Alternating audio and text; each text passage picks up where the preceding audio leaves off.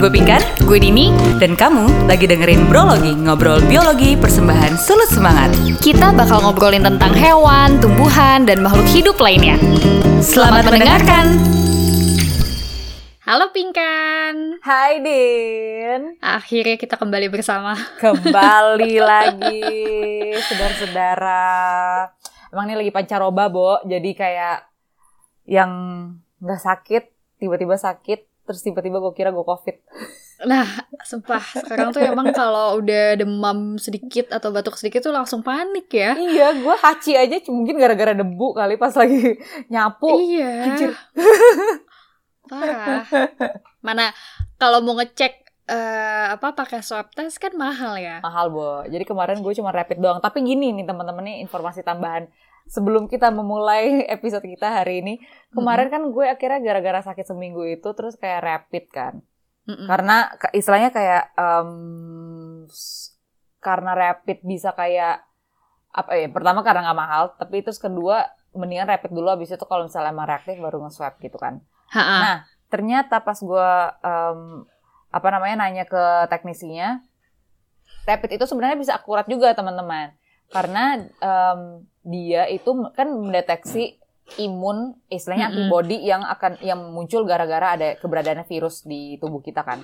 Nah, si virus itu kan menge- akan mengembangkan eh, antibody akan berkembang setelah tiga hari setelah kita terinfeksi virus. Nah, menurut gue gara-gara teori itu em, rapid test akan bisa akurat jika kita ngelakuinnya tiga hari setelah infeksi gimana sih? Maksudnya kayak gue kan kemarin abis seminggu gitu kan Sakitnya sakit. udah lama. ha-ha. Ah, ah. kayak panasnya itu kayak Rabu, Kamis gitu kan. Abis itu gue ngerapidnya Mm-mm. Senin.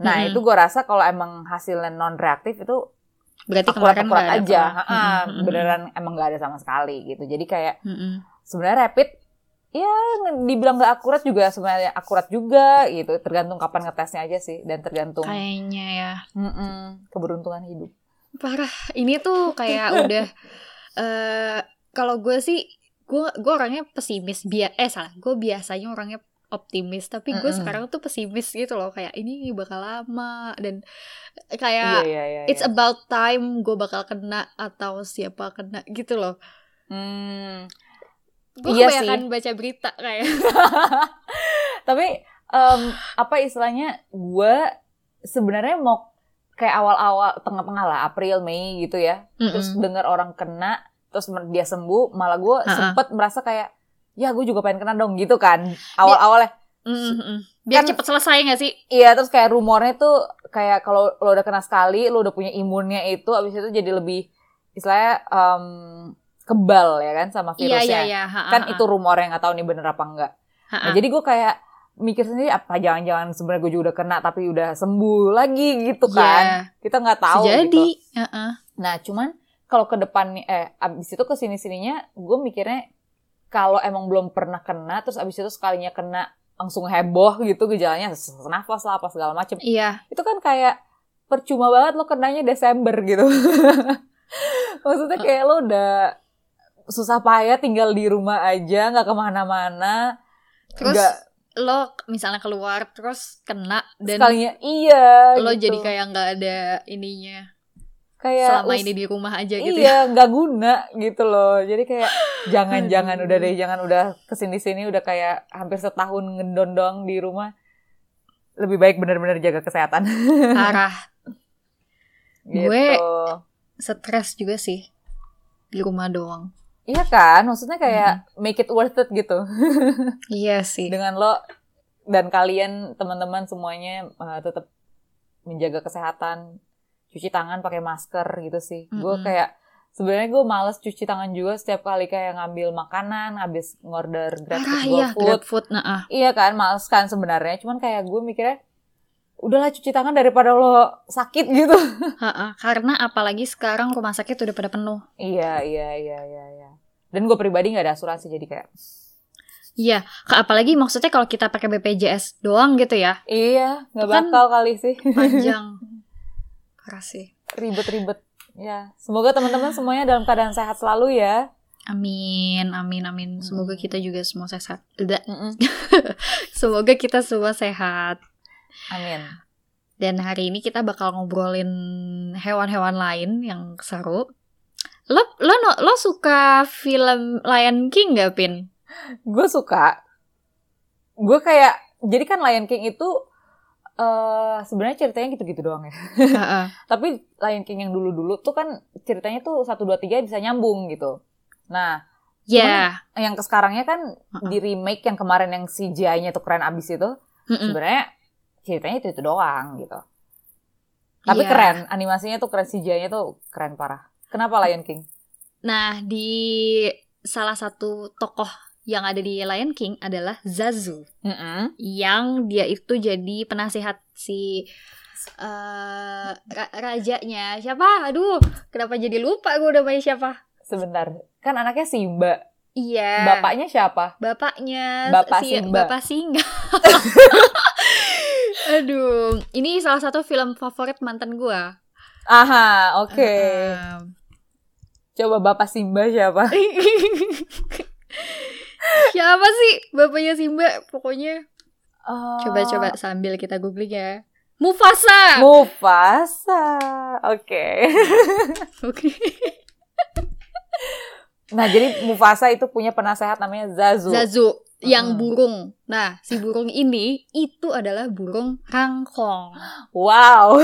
yang akan kita bicarakan hari ini. Nun jauh di Afrika sana loh, teman-teman. Iya, itu contohnya sih kalau si Zazu itu rangkong yang ada di Afrika sih. Tapi kita juga punya. Soalnya Nah. kita si rangkong itu ter- tersebar dari Afrika, Asia sampai ke Mal Melanesia. Me- Mela- Melanesia. Melanesia. Oke. Eh, eh, Ma- Melanesia itu di Papua Nugini terus Pasifik eh, situ kali ya. Pasifik ya pulau-pulau kecil itu. Mm-mm, Pacific Islander.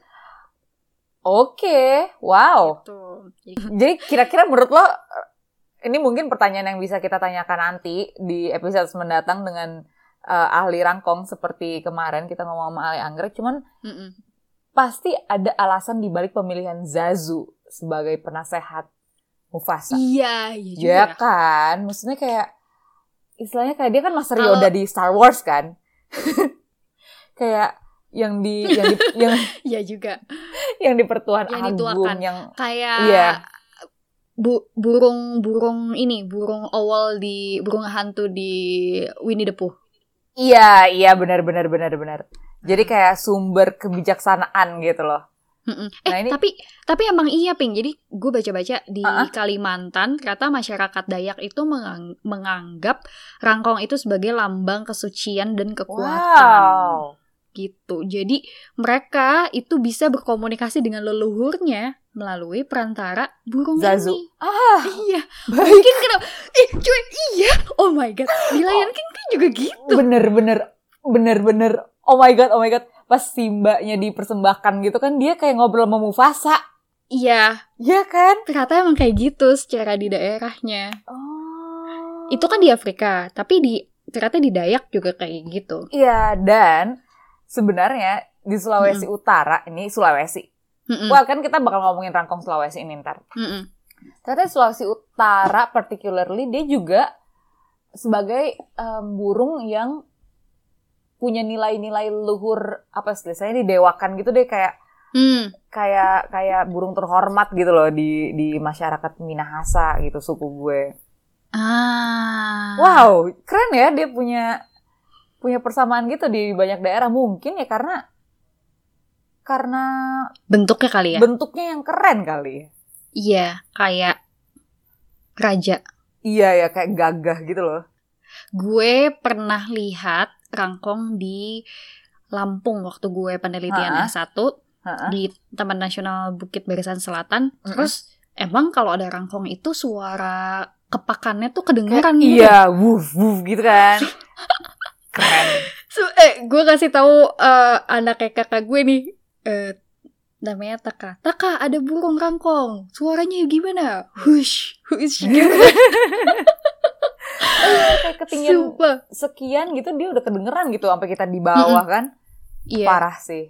karena Goks. memang gede banget burungnya. gede banget. Iya, iya. Terus ada eh, peneliti uh, biodiversitas kayaknya ya. Bukan cuma rangkong dong, soalnya dia penelitiannya. Mm-mm. Namanya Margaret Kinnert sama Mhm. Timothy O'Brien. Dia Mhm. tuh banyak ngeluarin penelitian di uh, Indonesia. Sekarang kalau nggak salah di Madagaskar apa di Afrika gitu deh. Dia mengeluarkan buku judulnya The Ecology of Conservation of Asian Hornbill. Hmm. Nah, dia menyebut itu rangkong sebagai petani hutan oh, kenapa tuh? karena dia itu mem- pemencar biji-biji. Jadi dia adalah pemakan buah-buahan banget. Heeh. Kayak 90% makanannya adalah buah. sungguh sehat. Sehat sesehat-sehatnya. Detox dia tiap hari. Iya. Dan dia tuh terbangnya karena besar juga kali ya. Jadi jelajah terbangnya tuh luas. Iya, iya, iya. Kalau nggak salah Hmm. tadi am- sampai berapa sih 100 ribu meter persegi deh jelajahnya. dia. Jelajahnya. Iya. Makanya seti- makanya bisa kebayang em, berapa banyak biji-biji yang dikeluarin pas Bener. dia makan karena dia tuh pas makan gini ping kayak ada dua jenis jadi yang pertama kayak kita makan buah dimasukin buahnya terus bijinya tuh dibuang gitu nggak Mm-mm. dimakan tapi kalau biji-biji yang kecil itu bisa dia telan terus nanti bijinya keluar lewat pupnya Feses. Oh. jadi either way dia memang Akan menyebarkan biji. menyebarkan dia Ah, gila keren banget. Wow. gitu Wow, wow, wow. Petani hutan. Nice. Jadi keberadaan keberadaan bukan keberadaan. Kelestarian hutan sangat amat bergantung sama keberadaan rangkong. Iya, di gue rasa ada mungkin yang mirip-mirip kayak rangkong gini ya, yang petani hutan juga. Tapi gue nggak tahu disebut petani hutan apa nggak. Itu mungkin kayak orang hutan kali ya. Mereka katanya juga gitu. Para frugivore juga sih gue rasa. Kayak Yaki kan juga makan buah, Ah, iya kan? ha-ha. Tapi karena rangkong punya daerah jelajah yang jauh lebih luas, abis itu dari apa ya? Dari atas istilahnya kayak kayak gue kepikirannya orang buang duit dari helikopter gitu loh. Ngerti nggak? iya. Jadi kayak bisa bisa ke mana-mana gitu loh. Ini ini bikin gue jadi inget salah satu cerita uh, dari Pak Min Rifai. Beliau adalah peneliti peneliti hebat tentang tumbuhan lah ya, kebanyakan kalau nggak salah. Jadi dulu tahun 70-an itu beliau pernah uh, menggalakkan penanaman pohon nangka di sepanjang Trans Sumatera Oke.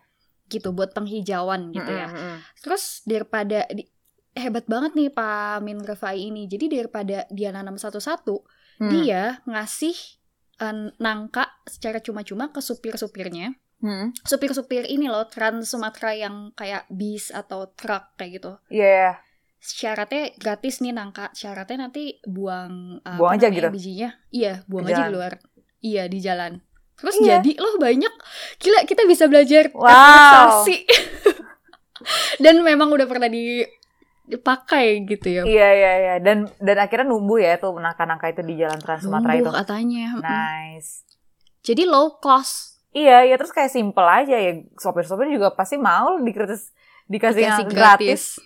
Iya, Iya, terus kayak kerjanya cuma buang biji gitu loh. Kayak wow. menarik. Terus em, ya sama Tapi- kayak rangkong juga gitu ya. Dia Heeh. makan dibuang. Tapi si rangkong makan buah tok apa ada Enggak, lagi? dia dia sebenarnya omnivora sih. Jadi dia kan Oh, 90% buah.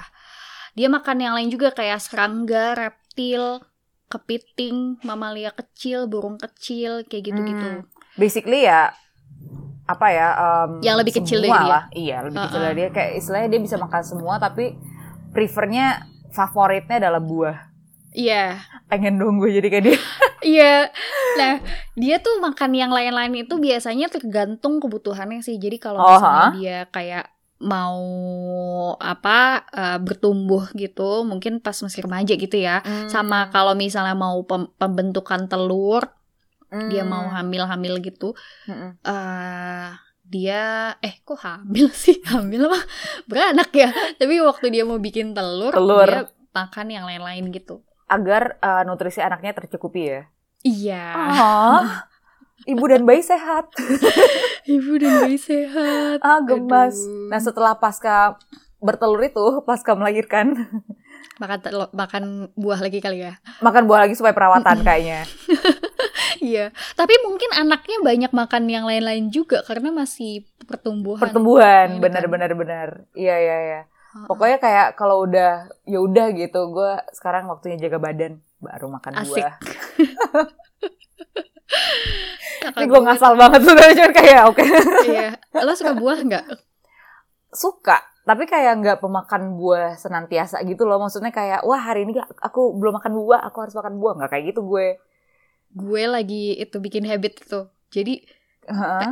target gue sebelum umur 30 sih kan belum belum Beberapa Gue bulan lagi, Bo, masih ada. Enggak, semangat. masih tahun depan masih tahun depan target gue makan buah setiap hari sama makan sayur setiap hari Nah, oke. Per lo ngomong ini udah berapa lama lo jalani itu? udah dua bulan tapi Wow. gue tapi gue belum sampai setiap hari sekarang gue cuman seminggu tiga kali Ya udah, eh, eh, nggak apa-apa. Namanya juga proses. iya Yang penting niat, Bun. iya gue tuh males motongnya Bener kan? Makanya gue kalau misalnya buah itu gue either anggur kalau nggak pisang. iya nggak tinggal usah makan doang, Iya, udah nggak usah kupas kayak mangga. Padahal mangga teh enak. iya Gitu kan? Cuman kayak Heeh. Rempi, iya mager gila. gue mendingan gue mendingan beli detox. yang udah cair ya iya, ya kan udah tinggal. campur-campur cair tinggal minum aja Uh. gue gue nggak suka pisang sih jadi nggak bisa makan pisang Oh lo nggak demen pisang?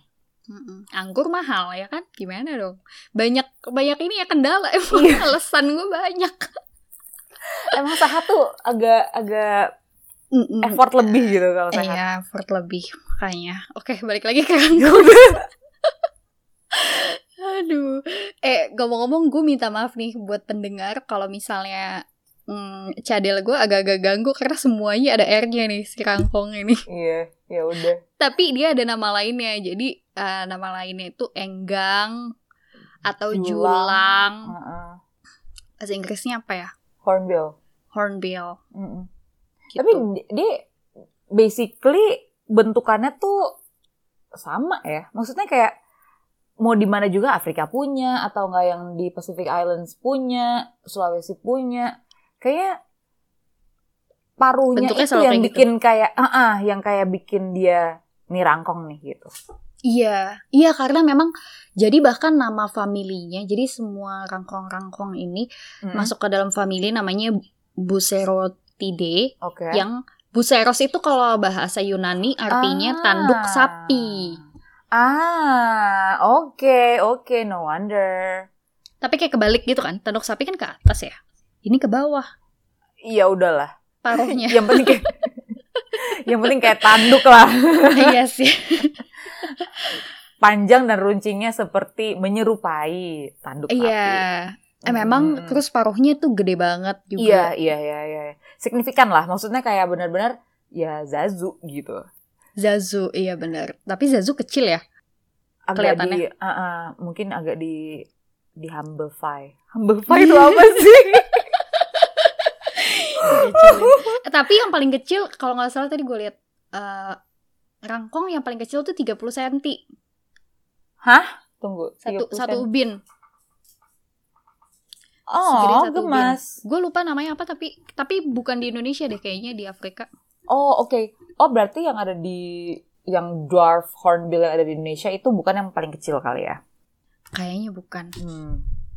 Nah, jadi yang membedakan apa tuh rangkong satu dan rangkong lainnya, misalnya kayak rangkong Afrika dan rangkong Kalimantan, itu Biasanya- dari warna. Apa selain ukuran tingginya mereka ya?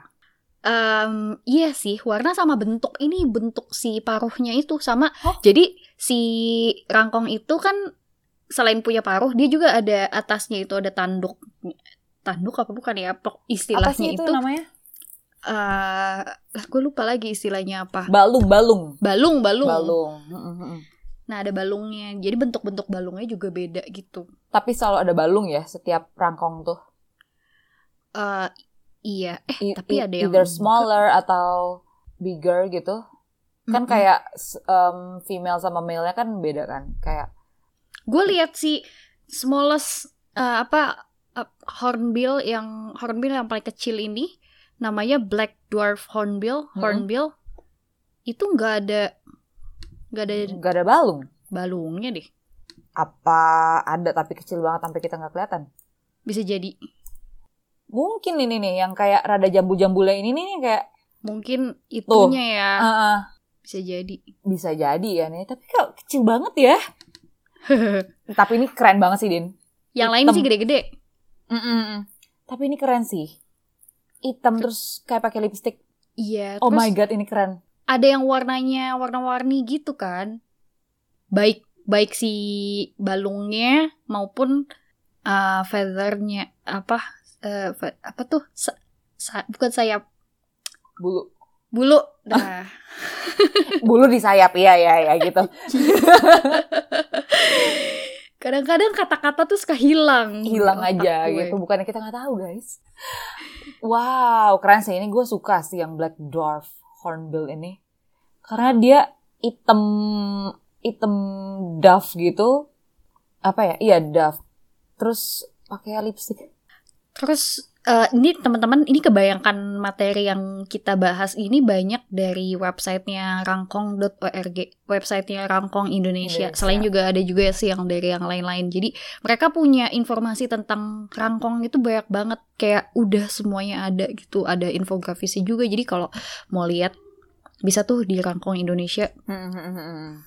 Terus si Rangkong itu kalau inget Zazu, dia kayaknya rada sendiri dia ya hidupnya. Kalau Zazu iya ya. Zazu rada sendiri. Tapi, nah ini dia. Fun fact ya. yang gue tidak sabar. Nggak, maksudnya dia hidupnya nggak gerombolan gitu loh. Maksudnya Dia kayak gak gerombolan deh. eh, eh, agak private gitu hidupnya. Dia orangnya setia. Eh kok orang gak sih? Burungnya. Burungnya. Kok agak aneh juga ya. Tapi dia adalah spesies burung yang setia karena mereka adalah monogami. Jadi mereka sebenarnya one of the lovebirds. One of the lovebirds. Eh, eh, eh, eh. Galak-galak gitu badannya tapi setia. You're the love of my life. Iya, iya. Jadi mereka monogami ya. mereka monogami. Jadi mungkin kema- kalau terbang bersama pasangan ya, mengitari Oh. belanta hutan belantara. wow.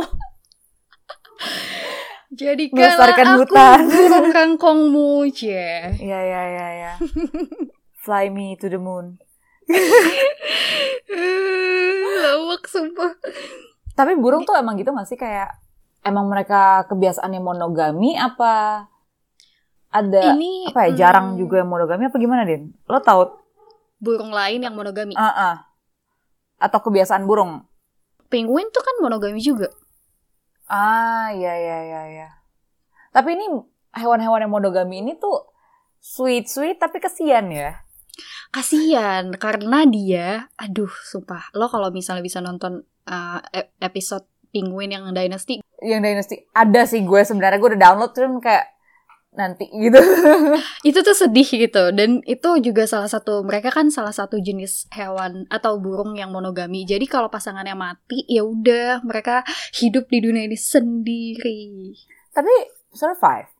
Nah, kalau rangkong ini kasihan juga sih. Jadi ini menarik banget. Ini salah satu perilaku rangkong yang paling menarik juga Hmm. menurut gue. Jadi kalau misalnya si betinanya itu udah mau bertelur, Hmm. dia itu mencari sarang, Sarang. Hmm, hmm. Di pohon biasanya yang diameter lubang 30-40 cm gitu. Terus dia itu menutupi lubang itu dengan ranting-ranting atau lumpur kayak gitu-gitu sampai ketutup Mhm. ham- sampai hampir ketutup menyisakan ruang buat si betinanya masuk ke dalam bolongan itu. Oke. Terus kalau dia udah di dalam, dia makin tutup-tutup lagi tuh lubangnya. Cuman menyisakan uh, ruang kecil untuk si jantan ngasih dia makan. Jadi selama dia bertelur di lubang itu, dia bertumpu pada si pasangannya si jantan yang memberikan makan setiap harinya ke Tapi dia. tapi si jantan berarti nggak bisa masuk ke dalam ya? Nggak Cuman, bisa Cuman mengandalkan dari luar. Ah, ah, mengandalkan paruhnya dia untuk berkasih makanan gitu kayak Iya, lo nggak bisa ini lagi zamannya ngasih makan ke anak lo gitu. iya, dan mereka tetap setia. Wow. Iya iya iya oh my god. Nah, makanya gara-gara monogami itu kalau misalnya si jantannya mati Mati Atau nggak balik. lah. atau nggak pulang, Iya. Kalau dia nggak pulang, terjebaklah si betina di dalam lubang bersama anak-anaknya. oh my god, itu itu sedih parah sih. Mana mana biasanya kan kayak yang em, contohnya rangkong yang Sulawesi ya. Mm-mm. Gue nggak tahu sih kalau misalnya rangkong yang di Afrika atau Kalimantan. Cuman kalau yang rangkong Sulawesi atau julang Sulawesi itu yang lebih colorful itu Mm-mm. jantan. Iya, eh, Ya kalau sama, diburu sama seperti biasa gitu sih. Iya kan, sama seperti apa ya istilahnya kasuari merak gitu ya. Iya, iya, iya. Yang heboh dan yang cantik itu kan sebenarnya yang jantan justru gitu. Mm-mm. Nah, jadi yang sering terancam perburuan itu jantan. Iya, lu bayangin dong sekali jantan mati, dua individu lainnya mati. pasangannya akan mati menunggu sambil Wah, menunggu pasangannya sih. kayak- ke mana pasanganku sang jantan Tragis banget sih, Bo. sedih Tragis banget ya ampun. iya Nah, oke itu kalau mati ya. Cuman kalau langsung akhirnya sedih langsung sedih gimana nih cuman kalau misalnya kalau misalnya survive gitu, Din. kalau survive Heeh. nah kalau misalnya survive si betinanya ini kan di dalam apa namanya lubang itu Heeh. Terus dia itu meng- mencopot semua apa tadi bukan sayap bulu Feather, bulu, heeh. Heeh. mencopot bulu-bulunya untuk membuat sarang itu jadi hangat buat telur-telurnya Oh. menetas. Oh. Gemes ya. Terus ya udah nanti dia menetas di situ terus eh, baru deh nanti tetap dikasih kalau nggak salah dia sampai berapa minggu dua dua tiga minggu deh baru bisa keluar dari lubang itu tapi selama Oke. itu tetap dikasih makan sama yang jantan Oke, oke, oke. gitu. Terus emang bahkan ada jenis-jenis kangkong yang secara spesifik dia sukanya di bolongan yang ada cabang pohonnya gitu loh. Supaya Gue rasa sih supaya kalau jantan yang ngasih makan tuh dia ada bisa sambil duduk lah gitu oh, loh, nggak usah istirahatnya terbang. so- ah, ah, ah, bener-bener kayak capek gue terbang Bisa gitu kayak ngobrol. yoi nongkrong dulu gitu sebelum kerja lagi Eh, ayah gitu. Jadi bisa gimana di dalam sana anak-anak kita. Gimana bun? Anak kita udah mulai aktif ya bun?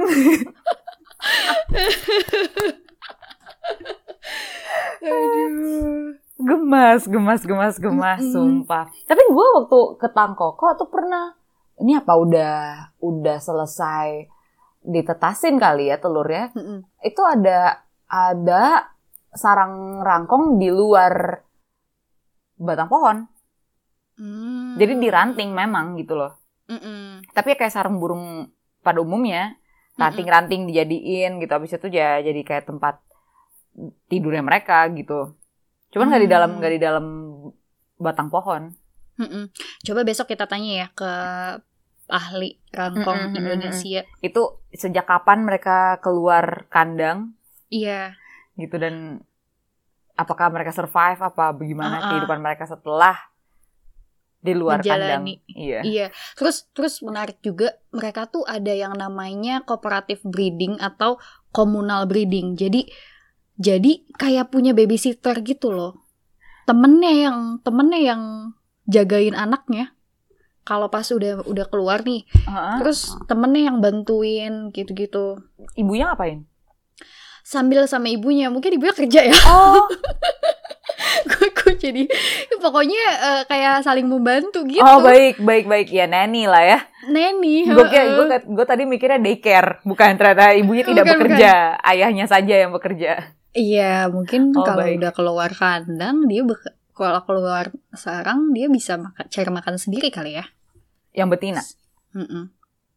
Mm-mm, yang betinanya, tapi Hmm. dia jagain anak kecilnya itu bisa sama temannya sesama iya bantuin gue juga dong gitu sama ibu kompleks Iya, Ah. Seru ya? gajah juga kayak gitu. oh Eh. Gajah tuh tapi si ibu ini juga menjaga anak temannya itu enggak eh, mungkin bisa saling membantu kali ya gantian. ya udah hari ini lo jagain anak gue Iya. besok gue jagain anak lo. Gimana? Gue rasa gantian, masa ya spesi sespesifik itu gak ya eh, penelitian? enggak tahu Gimana? tapi maksudnya kalau itu kan itu kan kayak apa ya? Bisa terhubung eh, ke pemilihan eh, tempat tidur mereka, abis itu kayak kayak em, mencacah distribusi eh apa istilahnya populasi mereka gitu kan. Iya. Kalau hari ini di pohon ini gara-gara nemenin temen anaknya, eh anak temennya, anak temannya ha? sebenarnya rumahnya bukan di situ gitu kan. Gue cuma kayak Iya nginep sih. aja ini gara-gara si Gue rasa nggak nginep tapi cuma kasih makan doang ah, atau jagain. jagain Jadi doang. si si yang tutupan waktu dia masih di dalam ya Mm-mm. sebelum keluar tutup kan dia nutup sarangnya itu pakai lumpur-lumpur itu itu Iya. supaya nggak dimakan predator. Iya, heeh. Mungkin setelah dia udah bisa keluar tapi anaknya masih kecil jadi saling jaga dari predator kali.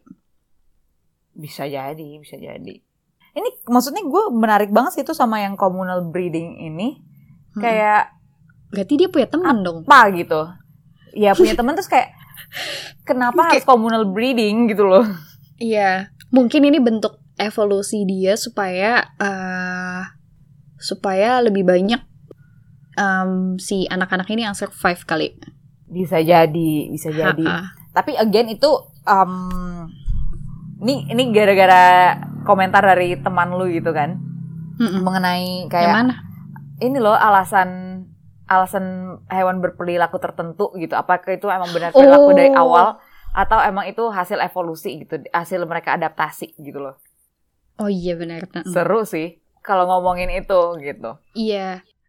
Iya bisa jadi karena mereka punya sistem itu, jadi mereka masih survive sampai sekarang. Benar, atau ya Gitu. memang karena ada apa di masa lampau makanya mereka menciptakan sistem tersebut gitu. Hmm.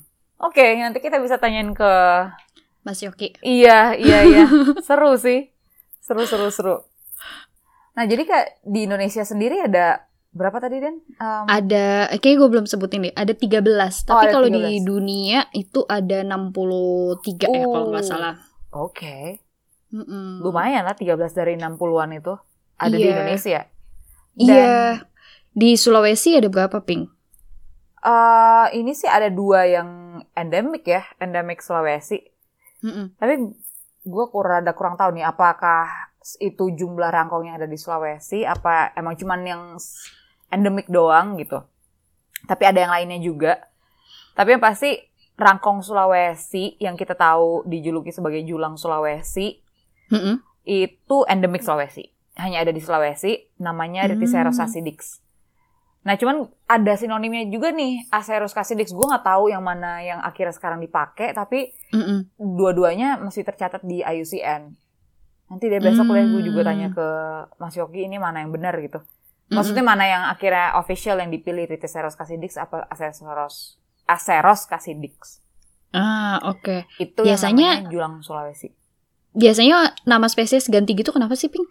Gue ngerti ya kalau misalnya di Tarsius, maksudnya gue bukan anak taksonomi sih, cuman kalau di Tarsius itu kan gara-gara eh satu spesies dikira sama kan? Eh, maksudnya Mm-mm. yang ada di Sulawesi Utara dikira sama sama yang Sulawesi Selatan, jadi semuanya dinamain Tarsius tarsier.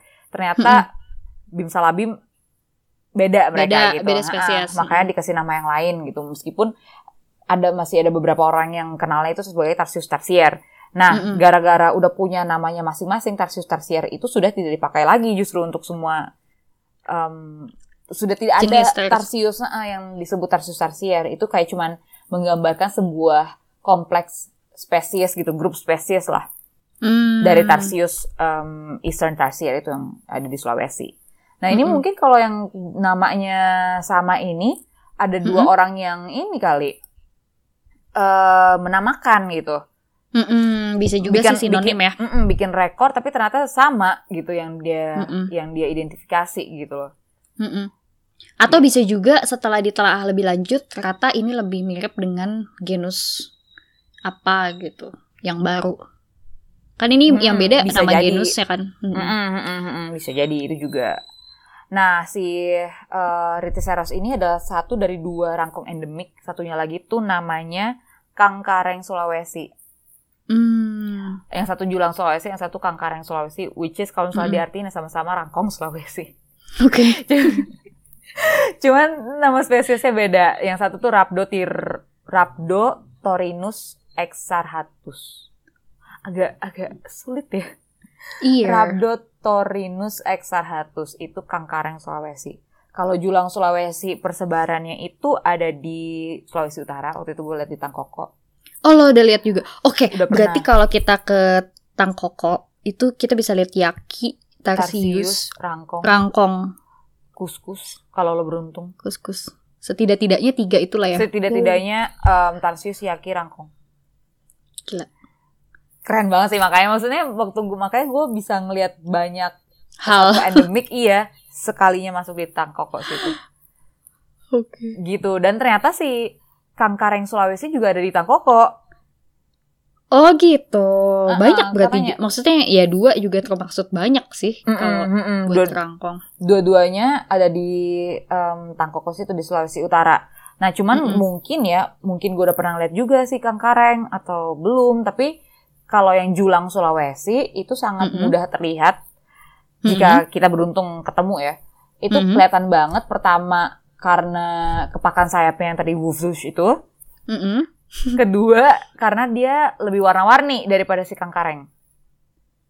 Ah, Nah. jadi kelihatan ya. Iya, jadi kalau misalnya lo ngeliat paspor Indonesia, itu kan ada rangkong tuh salah satunya di dalam. Nah itu ada yang warna-warni merah, Oh kuning, biru iya. itu.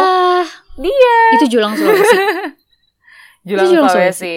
Oh. Gitu, jadi kayak em, dari bawah aja kalau pas lo ngeliat dia pas lagi terbang itu kelihatan, oh dia gitu. Karena paruhnya Mm-mm. udah kelihatan, kuning. Tuh. Ah, tapi besar ya Ping ya. Tapi gede sih dia. Ge- Gedenya tuh bisa sampai 104 cm, gila, 1 meter lebih. Satu meter. Maksudnya meter itu lebih, lebar ya? Lebar apa panjang? Gue rasa lebar sayapnya deh. Lebar sayapnya iya. Iya, lebar sayapnya. Iya sih, makanya bunyi dia. Kalau kalau badannya rada kayak anak kecil ya, kalau salah 100 cm tuh kan Iya. agak serem, Bu. Iya, tapi dia panjang juga soalnya kan. Dia, tapi dia tinggi juga sebagai rangkong gitu. Mm-mm. Nah, selain gedenya dia itu, em, warna-warninya dia itu, Mm-mm. em, dan kepakan suaranya sih yang bikin kita kayak Langsung ada dia di situ. Ah, ah, gitu. Nah, sedangkan si Kang Kareng itu yang a- Mm-mm. ternyata ada di Tangkoko juga, cuman gue nggak tahu gue pernah ngeliat atau enggak. Dia tuh salah satu horn dwarf hornbill.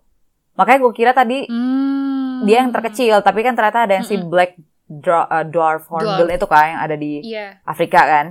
Ha-ha. Nah, dia juga disebut em, Kang Kareng kerdil atau dwarf hornbill. Cuman tidak mungkin tidak sedwarf si Yang black dwarf hornbill ah, ah, gitu. Iya. Ini panjangnya 53 cm.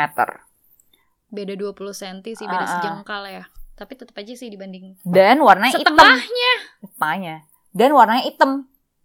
Gitu dan warna hitam, punggungnya Hmm. hijau. Jadi istilahnya kayak kesaru gitu kalau misalnya lo ngeliat gambarnya dia gitu dan abis itu lo ngarepin ngeliat dia di hutan, gue rasa emang sulit juga sih bakal kelihatan.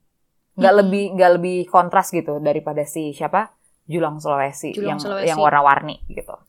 Berarti kalau mau lihat mungkin sama emang guide yang udah biasa ngelihat. iya iya iya iya benar benar benar. Yang yang tiba-tiba itu ada kingfisher. Hah? Yang mana kingfisher gitu? Gue kayak gue mesti ngeliat. Tapi kingfisher salah satu burung yang gue tahu. Iya iya iya iya. iya, Soalnya iya. warnanya biru. Warnanya biru. Iya iya iya. Bener-bener. Tapi kan kecil. Iya sih. Jadi, jadi kayak dari kejauhan tuh guide tuh udah bisa ngelihat itu itulah Iya. bener. kerennya guide. Heeh. Atau teman-teman kita yang peneliti Emang atau bird watcher. Birder, bird, ya, bird Birder. watcher. Mm-mm. Mm-mm. Gitu. Jadi kayak di di Tangkoko anak-anak burung tuh pasti juga demen deh karena banyak spesies Banyak. burung. Mm-mm. Bukan cuma hornbill ya, hornbill kan kayak mainstream Yang utamanya gitu kan. kali ya. Mm-mm, Ha-ha. mm-mm. Cuman kingfisher tuh ada beberapa kingfisher di sana. Oh gitu. Iya. Tapi waktu kemarin Kingfisher gue cuma ada juga yang bukan warna biru ada juga ya? ada ada yang abu-abu Orange. orange, itu Abu-abu. keren banget gila. Cuman yang abu-abu aja udah keren buat gue. Eh abu-abu biru. Yang biru. Gue sih tetap suka yang biru, Biru. daripada yang oranye. Ya udah. gitu. Nah, ya jadi si Julang Sulawesi ini ada eh, kembali ke persebarannya. Mm-mm. Dia tuh ada di Sulawesi Utara, Terus ada ya di Sulawesi tersendiri nggak cuma di Tangkoko, dia ada di Pulau Lembe.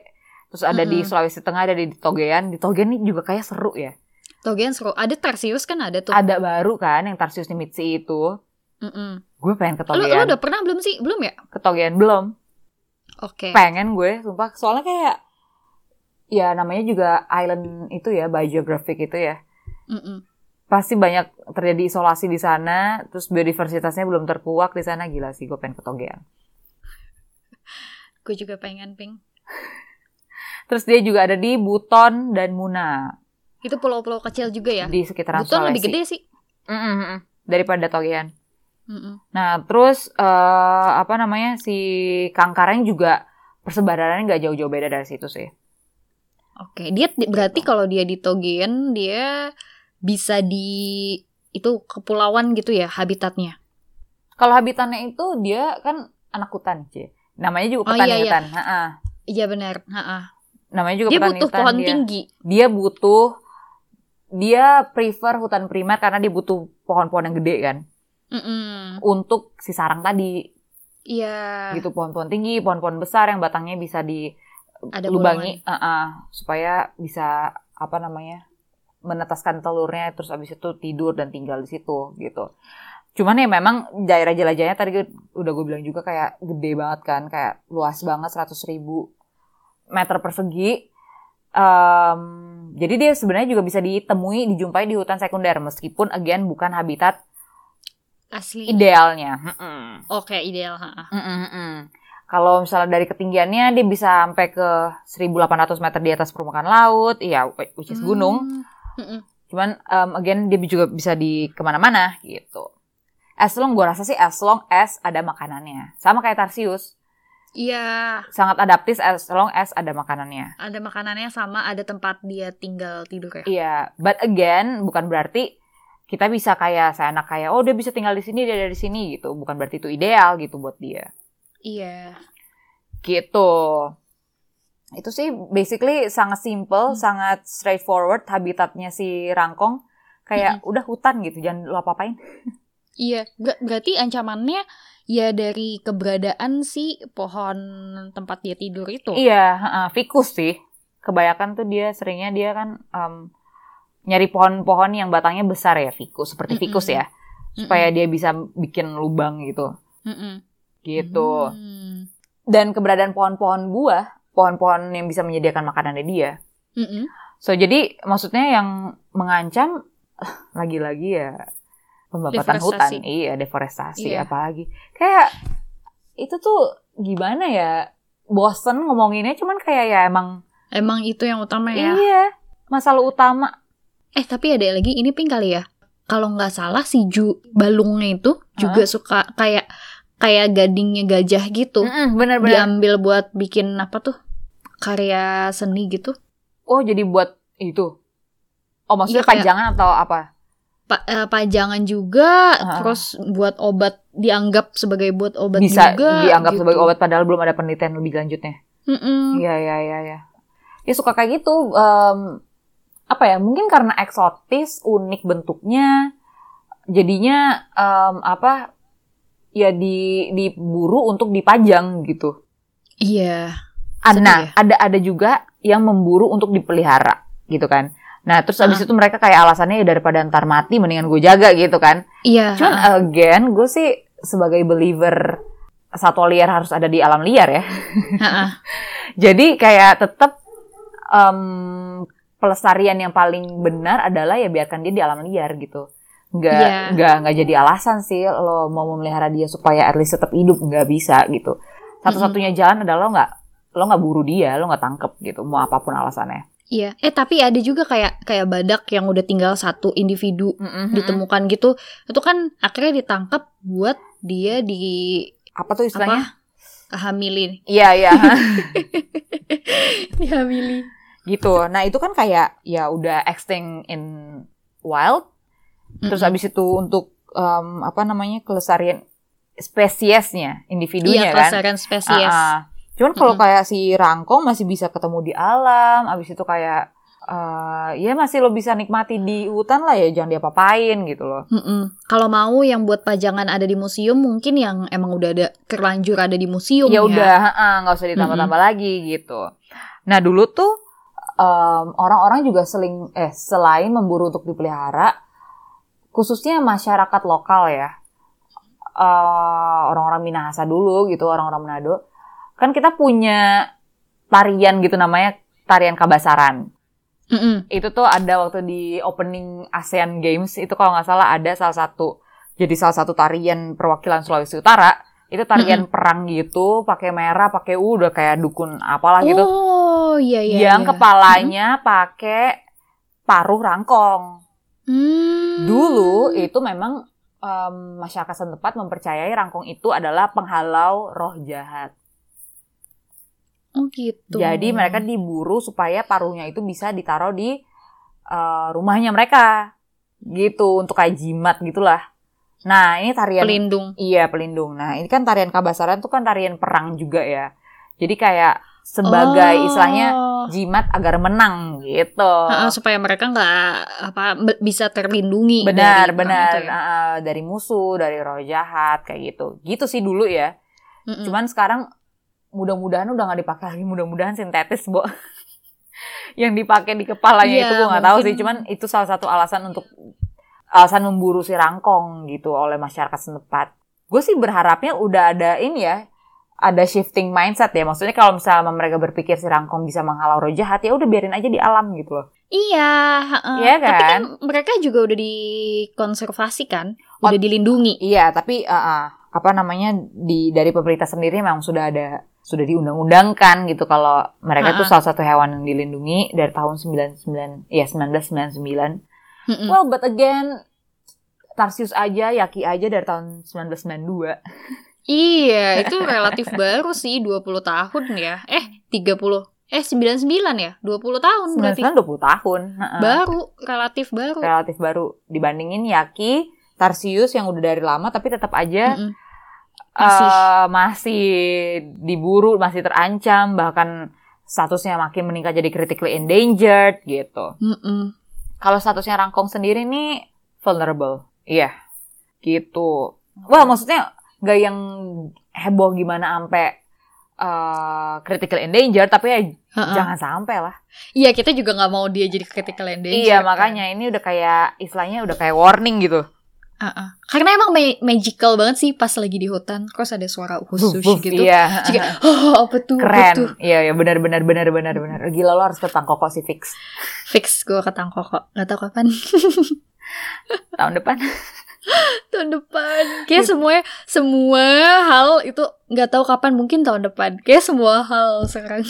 Eh tapi kan si vaksin udah ada. Iya sih. Udah masuk ke tahap 3 ya kan? Iya Uji sih. coba cap- tahap 3. Jadi ya mudah-mudahan tahun depan semua target yang tidak tercapai tahun ini bisa capai di terrealisasi. tahun depan. Sebenarnya banyak ini fakta-fakta menarik tentang rangkong, tapi mendingan kita ngomongin langsung sama ahlinya aja. Iya, Siapa? sama kayak kemarin anggrek itu ya. Ah, ah, benar. Kita bakal ngobrol sama Mas Yoki. Mas Yoki Mas itu Yoki tuh, dari Rangkong Indonesia. Teman-teman juga kalau mau lihat informasi lebih lanjut itu di websitenya Rangkong Indonesia, rangkong.org. Itu, Mm-mm. ah, iya benar. Mm-mm. Rangkong.org. Itu banyak banget informasinya kayak setiap spesiesnya tuh apa aja, bedanya apa aja. Ah, terus bahasanya juga mudah banget dicerna gitu loh Iya, di iya, iya, websitenya mereka. Iya, iya. Terus bagus lagi desainnya. Iya, iya sangat user friendly. Tadi gue ngeliat kayak straightforward terus nggak nggak lebay, nggak rame gitu. Iya, Iya. ah, bagus. Good job, ya. Jadi besok Gitu. kita bakalan ngobrolin itu buat ngobrol lebih lanjut. Tapi teman-teman bukan besok, teman-teman nunggu lagi satu minggu, Minggu. Iya. Sabar ya, Nek. Pokoknya selalu dengerin kita setiap hari Rabu. Dan tetap kita menunggu DM-DM kalian. Iya, please banget. Jika ada- gue makasih banget loh. Mm. Kayak Iya, iya, teman-teman gue ada yang japri gue kan. Mm-mm, Jadi mm-mm. kayak wah gila semangat. Kapan-kapan kayak kita mesti bacain Iya. kali. Iya benar-benar benar. kita kumpulin dulu surat pendengar, DM Iya. pendengar cek lebih modern. Terus ya itu membuat kita sangat semangat loh teman-teman kayak kalau kalian merasa terhibur, merasa podcast kita informatif ataupun kalau misalnya kalian kayak gue punya pandangan lain nih tentang hal ini itu kan justru kayak memperkaya hasanah kita gitu untuk Iya. bahasan kita ke depannya gitu Mm-mm. so anything we would be Really really, appreciate it Dan kalau bisa di-share juga di sosial media Oh, teman-teman atau ke teman-teman ke, ke WhatsApp grup WhatsApp grup teman-teman. Jadi lebih baik lagi yang bisa Ah, ah, dengerin. WhatsApp grup keluarga misalnya Iya. Nyokap gue udah download Spotify buat Mantap. dengerin anaknya. iya iya iya cowok gue juga pacar gue juga udah kayak at least dia udah download gitu jadi kayak ya udah ada harapan untuk Iya. denger Iya sih. Oke, jadi ya em, tetap dukung terus kita teman-teman, Em, follow Mm-mm. terus, pantengin terus selalu semangat. Karena karena kita belum punya akun pribadi. jadi langsung em, pantengin aja @sulut_semangat di Instagram karena kita juga selain podcast ini kita punya banyak event seru lainnya. Kemarin kita baru uh, launching games. Oh iya, ah, yang terbaru adalah kita launching games, card game, um, Eat and Run judulnya, hasil kolaborasi Shirohide, at Shirohide, dan Sulut Semangat, itu keren banget. Itu gue udah download, tinggal gue print aja, gue pengen ngeprint itu bagus punya sih, supaya kayak Iya. mainnya semangat, dan gue bisa bagiin juga ke ponakan-ponakan gue gitu. Mm-mm. Atau main sendiri juga seru. Gue gue soalnya punya yang seri yang lain. Jadi si, si Rohide itu dia banyak bikin board game gitu Iya, kan, iya. tapi temanya Ha-ha. konservasi. gitu. Iya, iya, iya, iya.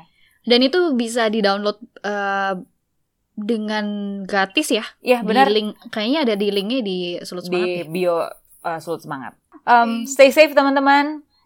Follow juga Instagram at Dunia Dini dan at nonpingkan. Cie. Kita suka nambah teman gitu aja. Kita suka dapat teman. Kita suka ngobrol juga anak ya. Jadi kayak uh, kita Iya loh, feel free ngobrol. loh. Minta Tahun depan- banget ya. Tahun depan kita bisa bikin meet and greet loh. Please, please banget. Sumpah, sumpah, sumpah, sumpah. Iya. meet and greet sulut Aku semangat, jangan cuma kita doang gitu. Iya, tapi please kita jadi host. Ya udah. Ya udah. Oke deh, sampai jumpa lagi. Sampai jumpa, Dadin. Daping.